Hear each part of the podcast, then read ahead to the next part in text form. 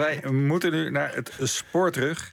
Ehm, en daarin gaat het vandaag over Emmaus. Wie, kent het niet? Eh, als je tweedehands spulletjes nodig hebt, dan kom je daar vast wel eens. Uh, en het begon allemaal bij de bevlogen Franse priester Abbé Pierre... die zich ontfermde in de jaren 50 over de armen van Parijs. Hij begon de Emmausbeweging en al snel veranderde zijn huis... in een dakloze opvang. En er volgden meer van zulke uh, woon-werkgemeenschappen. Iedereen was er welkom. In de zomer van 1966 ontmoette AB Pierre de barones van kasteel De Haar... in het pittoreske dorpje Haarzuilens. En niet veel later openden de deuren van de eerste Emmausgemeenschap in Nederland. Jacqueline Maris sprak met de pioniers en spoorde ex-bewoners op. Luister naar deel 1 van de tweeluik De Priester en de Barones. Techniek was van Berry Kamer.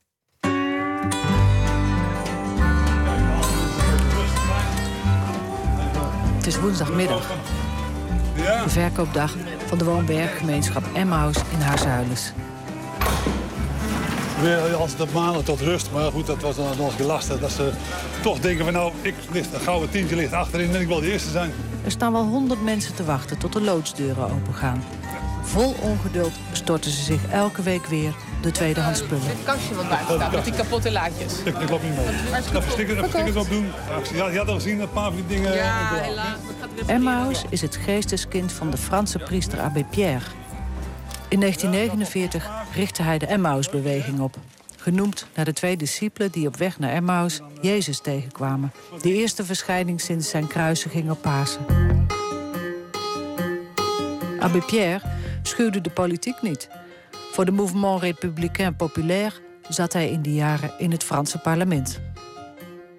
De winter van 53-54 is een van de strengste winters van de vorige eeuw. In Frankrijk hebben vooral de Parijse daklozen het zwaar van de kou te verduren gehad. Sommigen vonden overdag wat warmte op de luchtroosters van de ondergrondse. Maar ze moesten bij temperaturen van 15 graden onder nul ook de nachten in de open lucht doorbrengen. Mensen vriezen dood op de statige boulevards van Parijs. Eerst nadat bijna 20 hunner waren doodgevroren, vond Abbé Pierre een bekende geestelijke gehoor. De lichtstad, die al te licht langs het leven van de daklozen was heengegaan, bracht nu in één dag tijds honderden dekens, kledingstukken en schoeisel bijeen. Abbé Pierre roept mensen uit heel Europa op om te komen helpen. En op 1 februari 1954 klinkt via Radio Luxemburg een zender die in bijna heel Europa te ontvangen is. Abbé Pierre's hartstochtelijke roep om hulp. Mes amis, au secours. Une femme vient de mourir gelée cette nuit à 3 heures. Vrienden, kom helpen.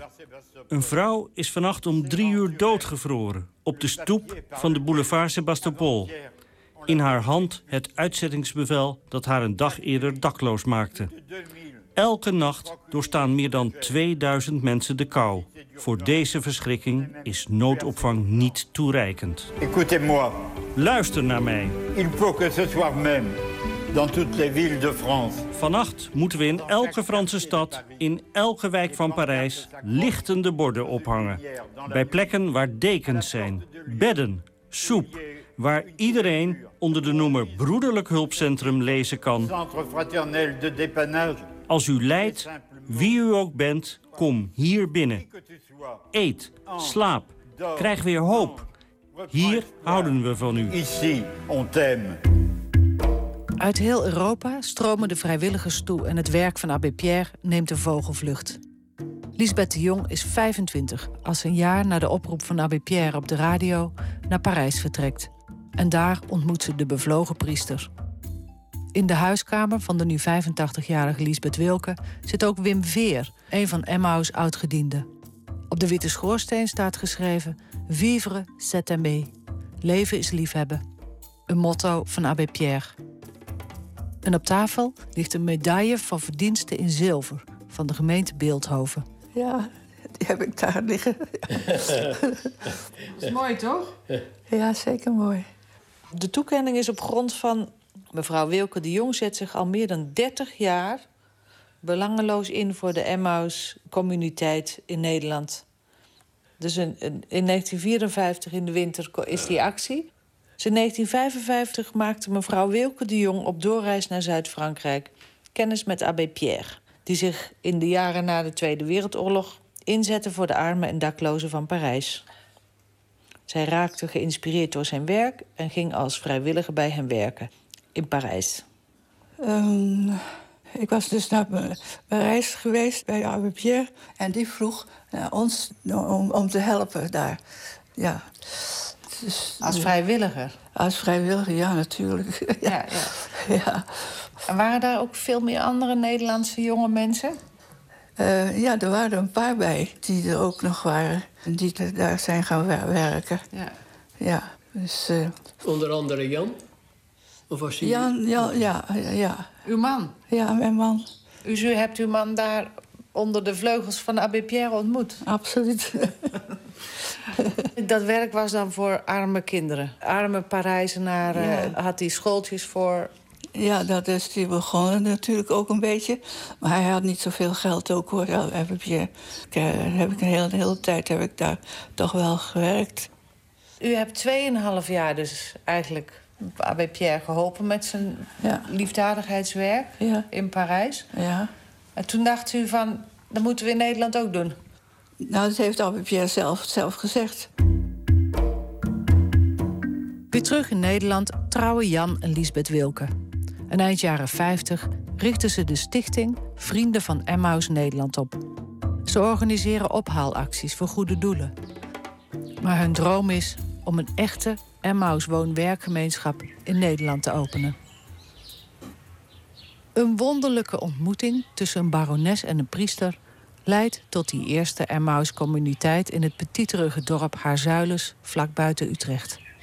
Het is een dorpje met zo'n 150 huizen, gebouwd rondom een immens kasteel.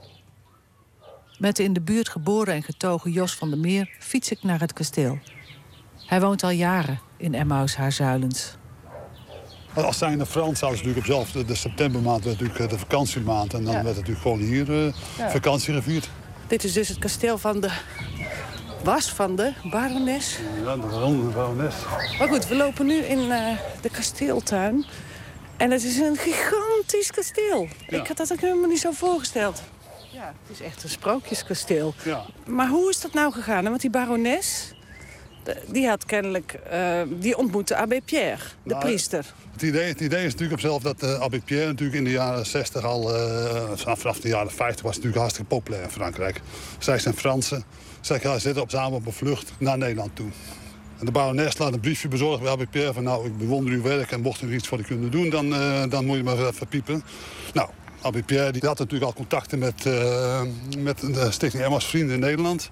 En die zei van nou, ik heb hier een briefje van, eh, van de barones. In die septembermaand hadden ze ook altijd een avond voor de notabelen.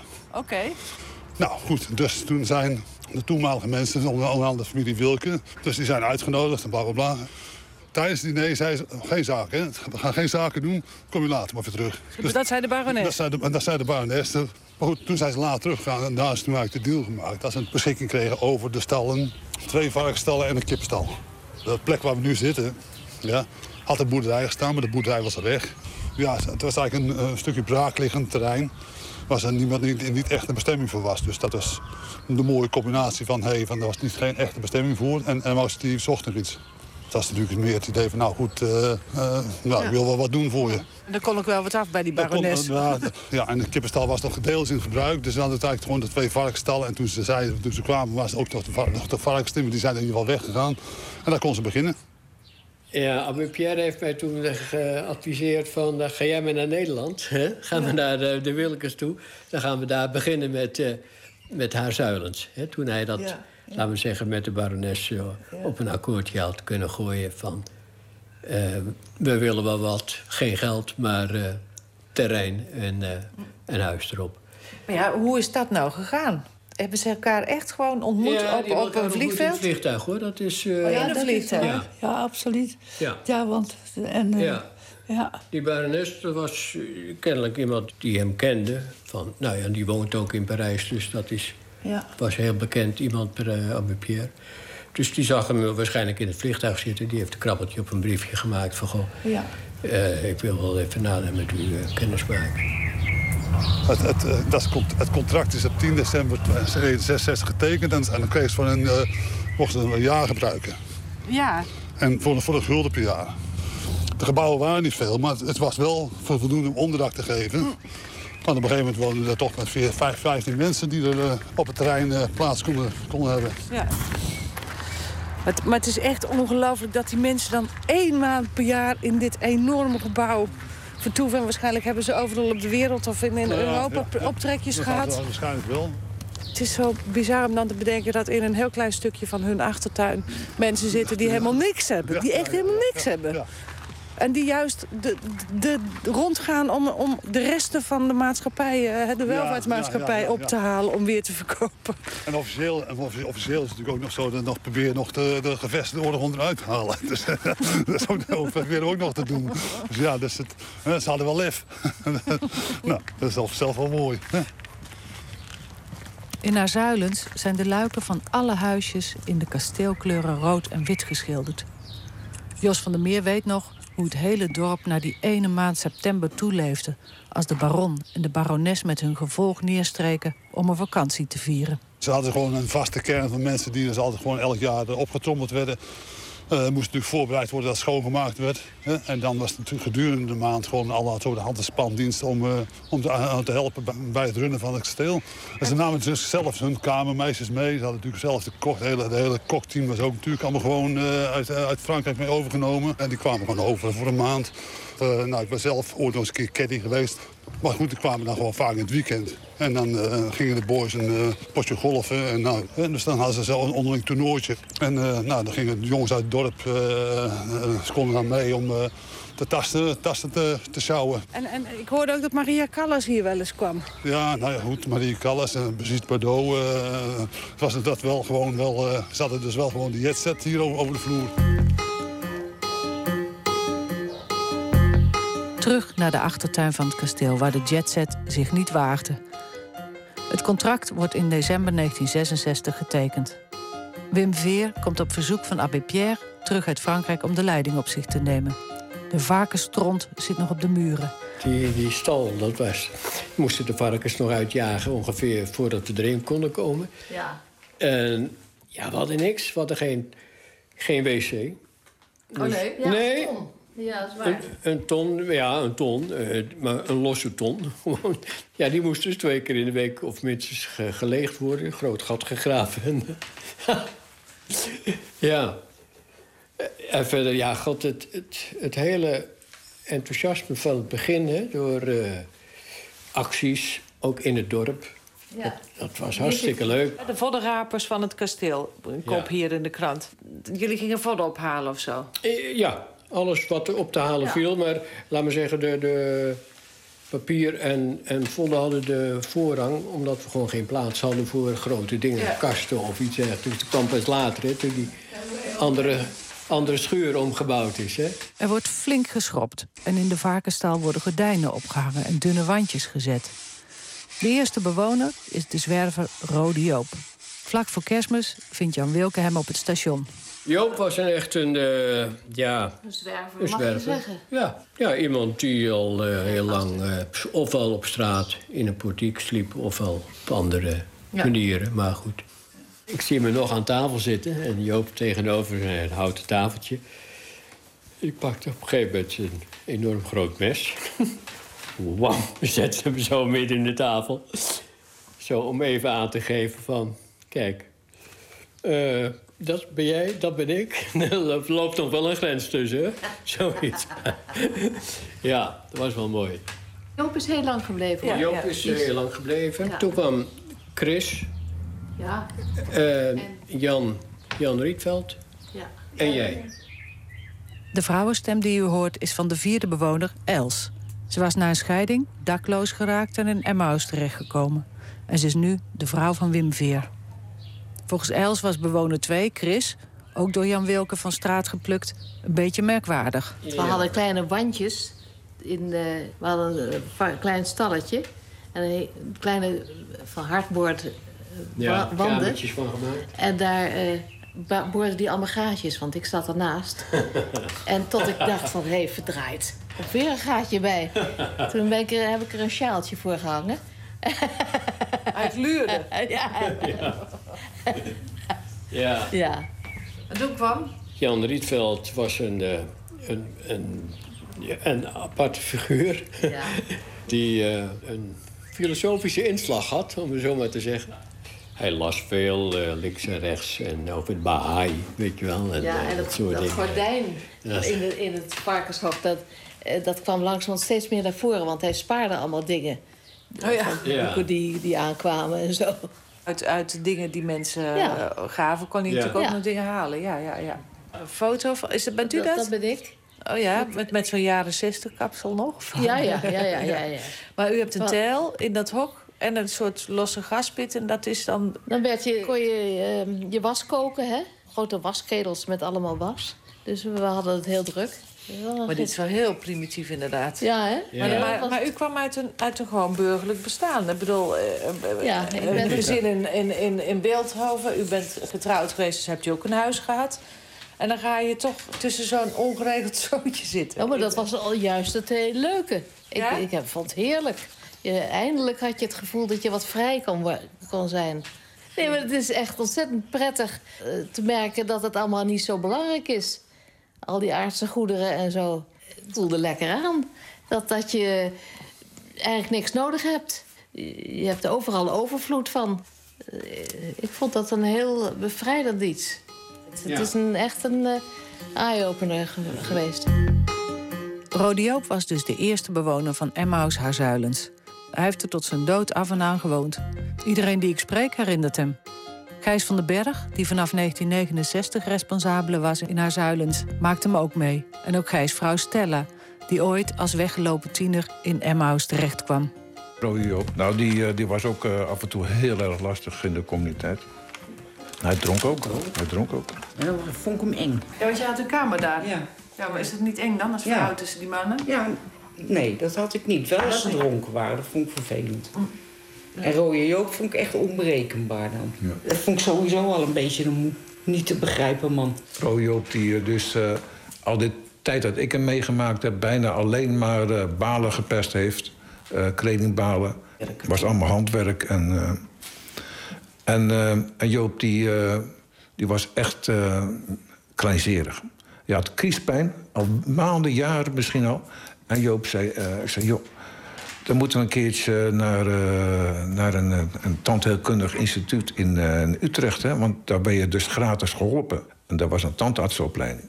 Nou, ik eh, daarheen met Joop onderzochten ze. Zei ze, ja, die rotte kiezen die moeten er echt uit, meneer. Want dit wordt steeds erger. Nou, op de dag dat we daar naartoe zouden gaan, waren we in Utrecht. Joop zegt, Gees, ik ga niet hoor. Wegwezen hier. Nou, ja, ik ben maar weer teruggegaan. Maar dan kreeg hij na een paar dagen kreeg hij nog meer kiespijn. Toen zei hij, Gees, jij moet hem eruit trekken. dus ik heb inderdaad ik heb een combinatietang opgezocht. En die kies eruit getrokken. en hij was van alles af. De kiespijn was over. ja, hij, hij wilde het graag, ja. Als je zomaar Joop bij de spiegel zag staan... die zijn eh baard ermee stond af te knippen, die rode baard van hem... dan wist je dat hij er vandoor ging. Dan ging je zwerven. Nou, dan had- ging hij naar Den Haag toe. En Den Haag, en eh, dat was toch zo'n beetje de, de, de plek waar hij eh, jarenlang voordat hij in Emmaus kwam gezworven heeft. En dan was hij hem gewoon een paar dagen kwijt. En dan kwam hij meestal toch een beetje aangeschoten, kwam hij weer terug. En dan sliep hij een dag en dan ging hij weer balen persen. Eddie Dekker woonde nadat hij een tijdje op drift was geraakt ook in Emmaus. Joop was zijn enige vriend daar, zegt hij. Tegenwoordig woont Eddie met zijn vrouw Ilse, die hij bij Emmaus ontmoette, in Duitsland. Joop, die sprak met niemand. Ja? Joop sprak met niemand. Kan die, hè? Kan die. Moest hij een sigaretje hebben. Ja? Nou, met Joop kon ik dus... eh, ja, kon ik paarden stelen. Daar komt u? Kon ik met de paarden stelen. Zo goed was die bevriend. Ja, en eh, ik bedoel, wij, hè, wij komen elkaar tegen in Rotterdam. Ja? We, waren, we hadden geslapen in, de, in zo'n asiel van de Heilsarmee. Van het leger des Heils. Ja, ja. waar gaan we heen, Nederwaard? Ik zeg, eh, Joop, eens kijken. Zijn je schoenen goed? Ja, ja. Dan kan ik dan weer lopen. Ja, ja, goed. Nou, toen zijn we van Rotterdam, zijn we over Dordrecht naar Langeweg gelopen. Komen dus bij Lage Zwaluwe. Ja, niet de West-Brabant. Ja, ja, ja, ja, ja, maar goed, komen we aan. En er staat een, er staat een, een, een, een kraam met, met appels. Die man die verkoopt appels. En die ziet ons aankomen. U doet het even voor, ja. Shock, shock, shock. Joop ook erbij en zo. En, en kregen we twee, drie appels, weet ik het. En, maar ja, we hadden dus weer wat, ja. Nou, maar ach, daar hebben we wat mee gelachen. Maar Rode Joop, die sprak dus niet, hè? Nee, niet veel. Maar met hem wel. Ja. Met hem wel. Dat is bijzonder. Ja. Maar Ja. Rode Joop had, had een beperking. Ja. Verstandelijke beperking, Ja. zeg maar. Nou, nee, Nee? Kijk, nee. Kijk, dan, eh, dan, eh, dan kijken jullie alleen maar tegen hem aan. Eh, Je kan iemand tegen iemand aankijken, Mhm. ja? Maar dat, die, die, die persoon had ook een, een innere, ja? Ja, en dat was buikin, hoor. En Joop kon wel praten, hoor. Ik heb hem niet gekend, maar zo als gekend, ik het hoor. Ik kan hier best een soort artiest geweest zijn, hè? Ja, ik begreep dat hij af en toe zijn, baard liet groeien. Ja, dat ook, dat deed hij ook. En als hij, dan, en als hij zijn baard ging knippen, dan ging hij weg. Oh, dan ging hij weg? Ja. Ja, ja. Maar ik moet zeggen, ik heb nooit geen problemen met hem gehad. Binnen een maand zijn er al vier bewoners in de woon-werkgemeenschap in Haarzuilens. En als in de zomer daarop nog een gebouw is opgeknapt, is er plek voor weer meer mensen. Zo loopt de eerste Emmaus woonwerkgemeenschap in Nederland langzaam vol met ontspoorde en zoekende mensen. Zomer in dat mooie dorpje Haarzuilens, waar twee kroegen zijn. Café Versteeg is er een van. Er dus twee eh, cafés. Dit is Versteeg. Het wapen, het wapen naar Zuidens is Versteeg. Dat is echt om de hoek bij jullie. Dus... Ja, en de andere is, de andere ook om de hoek. Dat is Miltenburg en dat was de Vier Balken. Maar die was een beetje chiquer, Die begrijp was, ik. die was wat zieker. Zondagavond, dat is de boerenbal. En als het natuurlijk op een gegeven moment was aan een dresscode... moesten mensen een stropdas hebben. En nou ja, goed, dan was dat natuurlijk... Emma's kon wel stropdas kopen voor een gulden per stuk. Dus dan kwamen ze zondagavond kwamen mensen nog eens een stropdas halen... om eh, naar de disco te gaan. Oh, dan kwamen ze op zondag eventjes bij jullie langs hier om de hoek om een stropdas te kopen voor de gulden. Dat kon je tenminste bij de disco naar binnen. Oké. Ik ben eh, Henny Miltenburg. En ik ben geboren eigenlijk, zeg maar, wat nu de Vierbalken is. In 1935. In Haarzuilens. In Haarzuilens, ja. Ja, dus u hebt het helemaal meegemaakt dat Emmaus hier eh, kwam. Het begon net in de oude boerderij. En iedereen die nergens meer terecht kon, die kon daar terecht. Dus we hadden een hoop last van. Want eh, ja, het waren allemaal rare figuren bij natuurlijk. Hè. Er, was geen, er was geen controle op. En wa- wat voor zin had u er last van?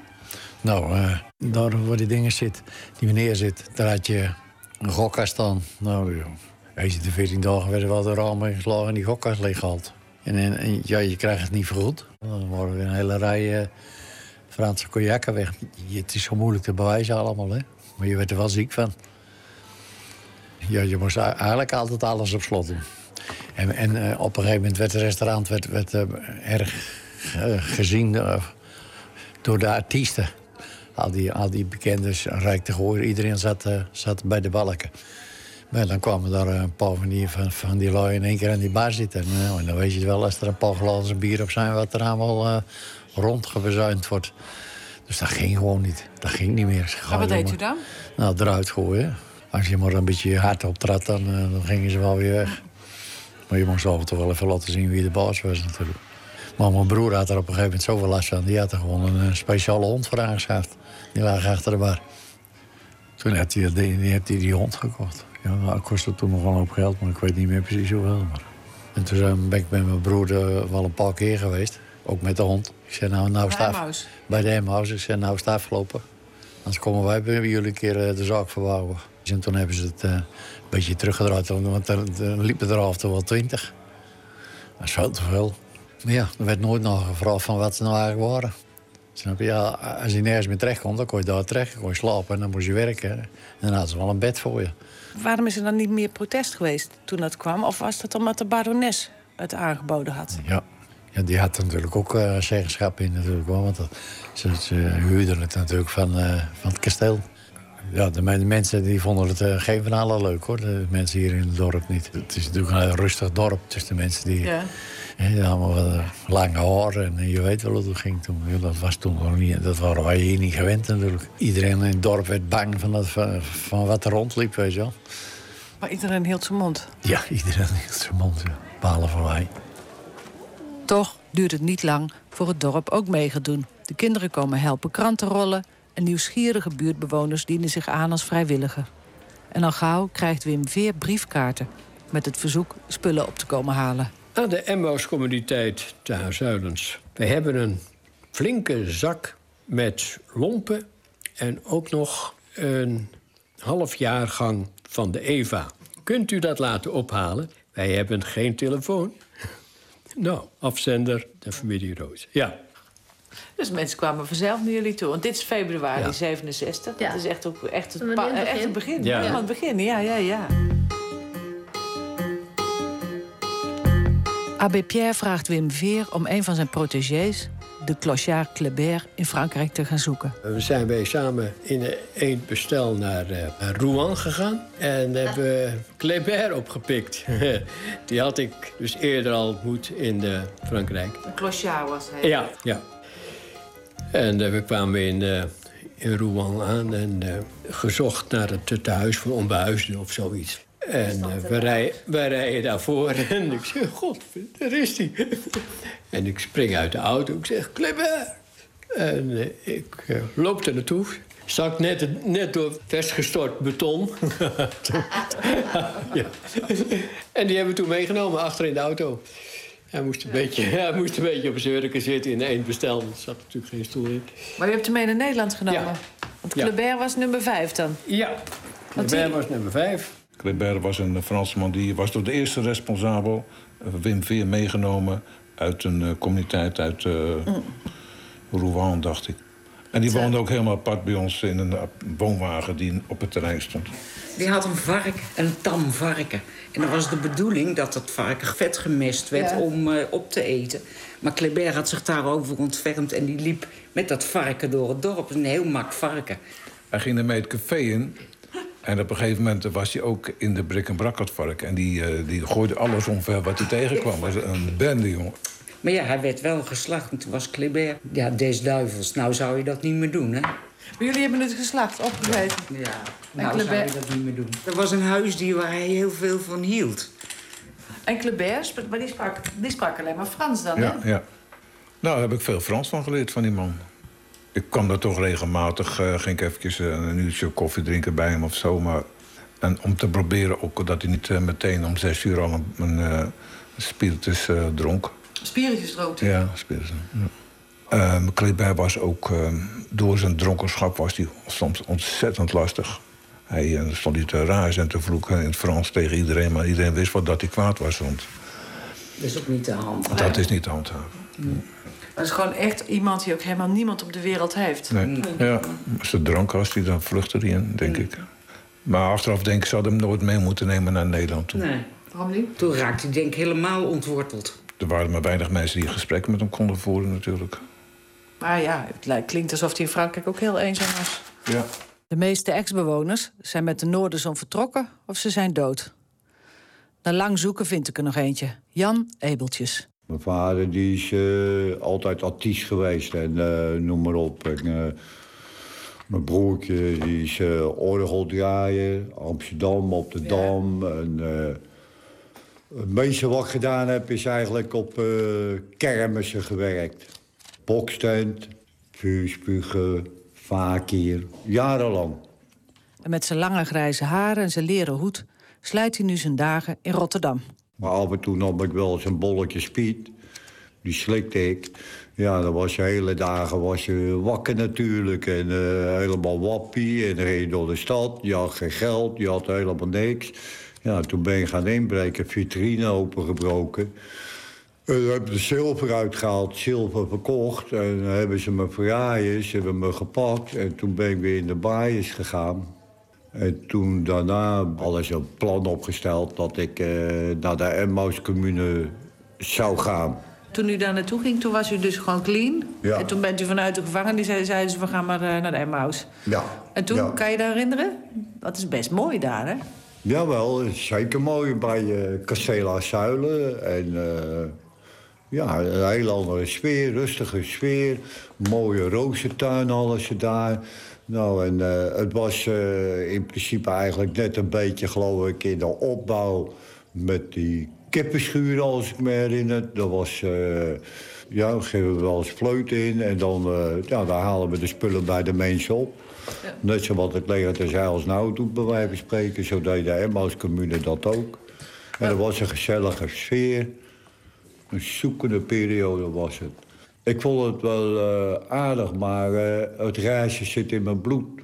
Dus ja, dan uh, kun je het in principe nergens volhouden. Nou, dat gewoon op een dag weggegaan was. Ja. Emmaus Haarzuilens is een van de broederlijke hulpcentra waar Abbé Pierre van droomde. Als u lijdt, wie u ook bent, komt hier binnen, eet, slaapt, krijgt weer hoop. Hier houden we van u. Écoutez-moi. Vivre, c'est aimer. Et où on lise sous ce titre Centre fraternel de dépannage ces simples mots. Toi qui souffres, ici on t'aime. Het zaad van de Emmausbeweging Nederland is geplant. Gods eigen paradijsvogels nestelen zich in de kasteeltuin van Haarzuilens. Volgende week kunt u horen hoe er al snel een tweede woon-werkgemeenschap in het West-Brabantse Langeweg werd geopend. In deel 2 van De Priester en de Barones.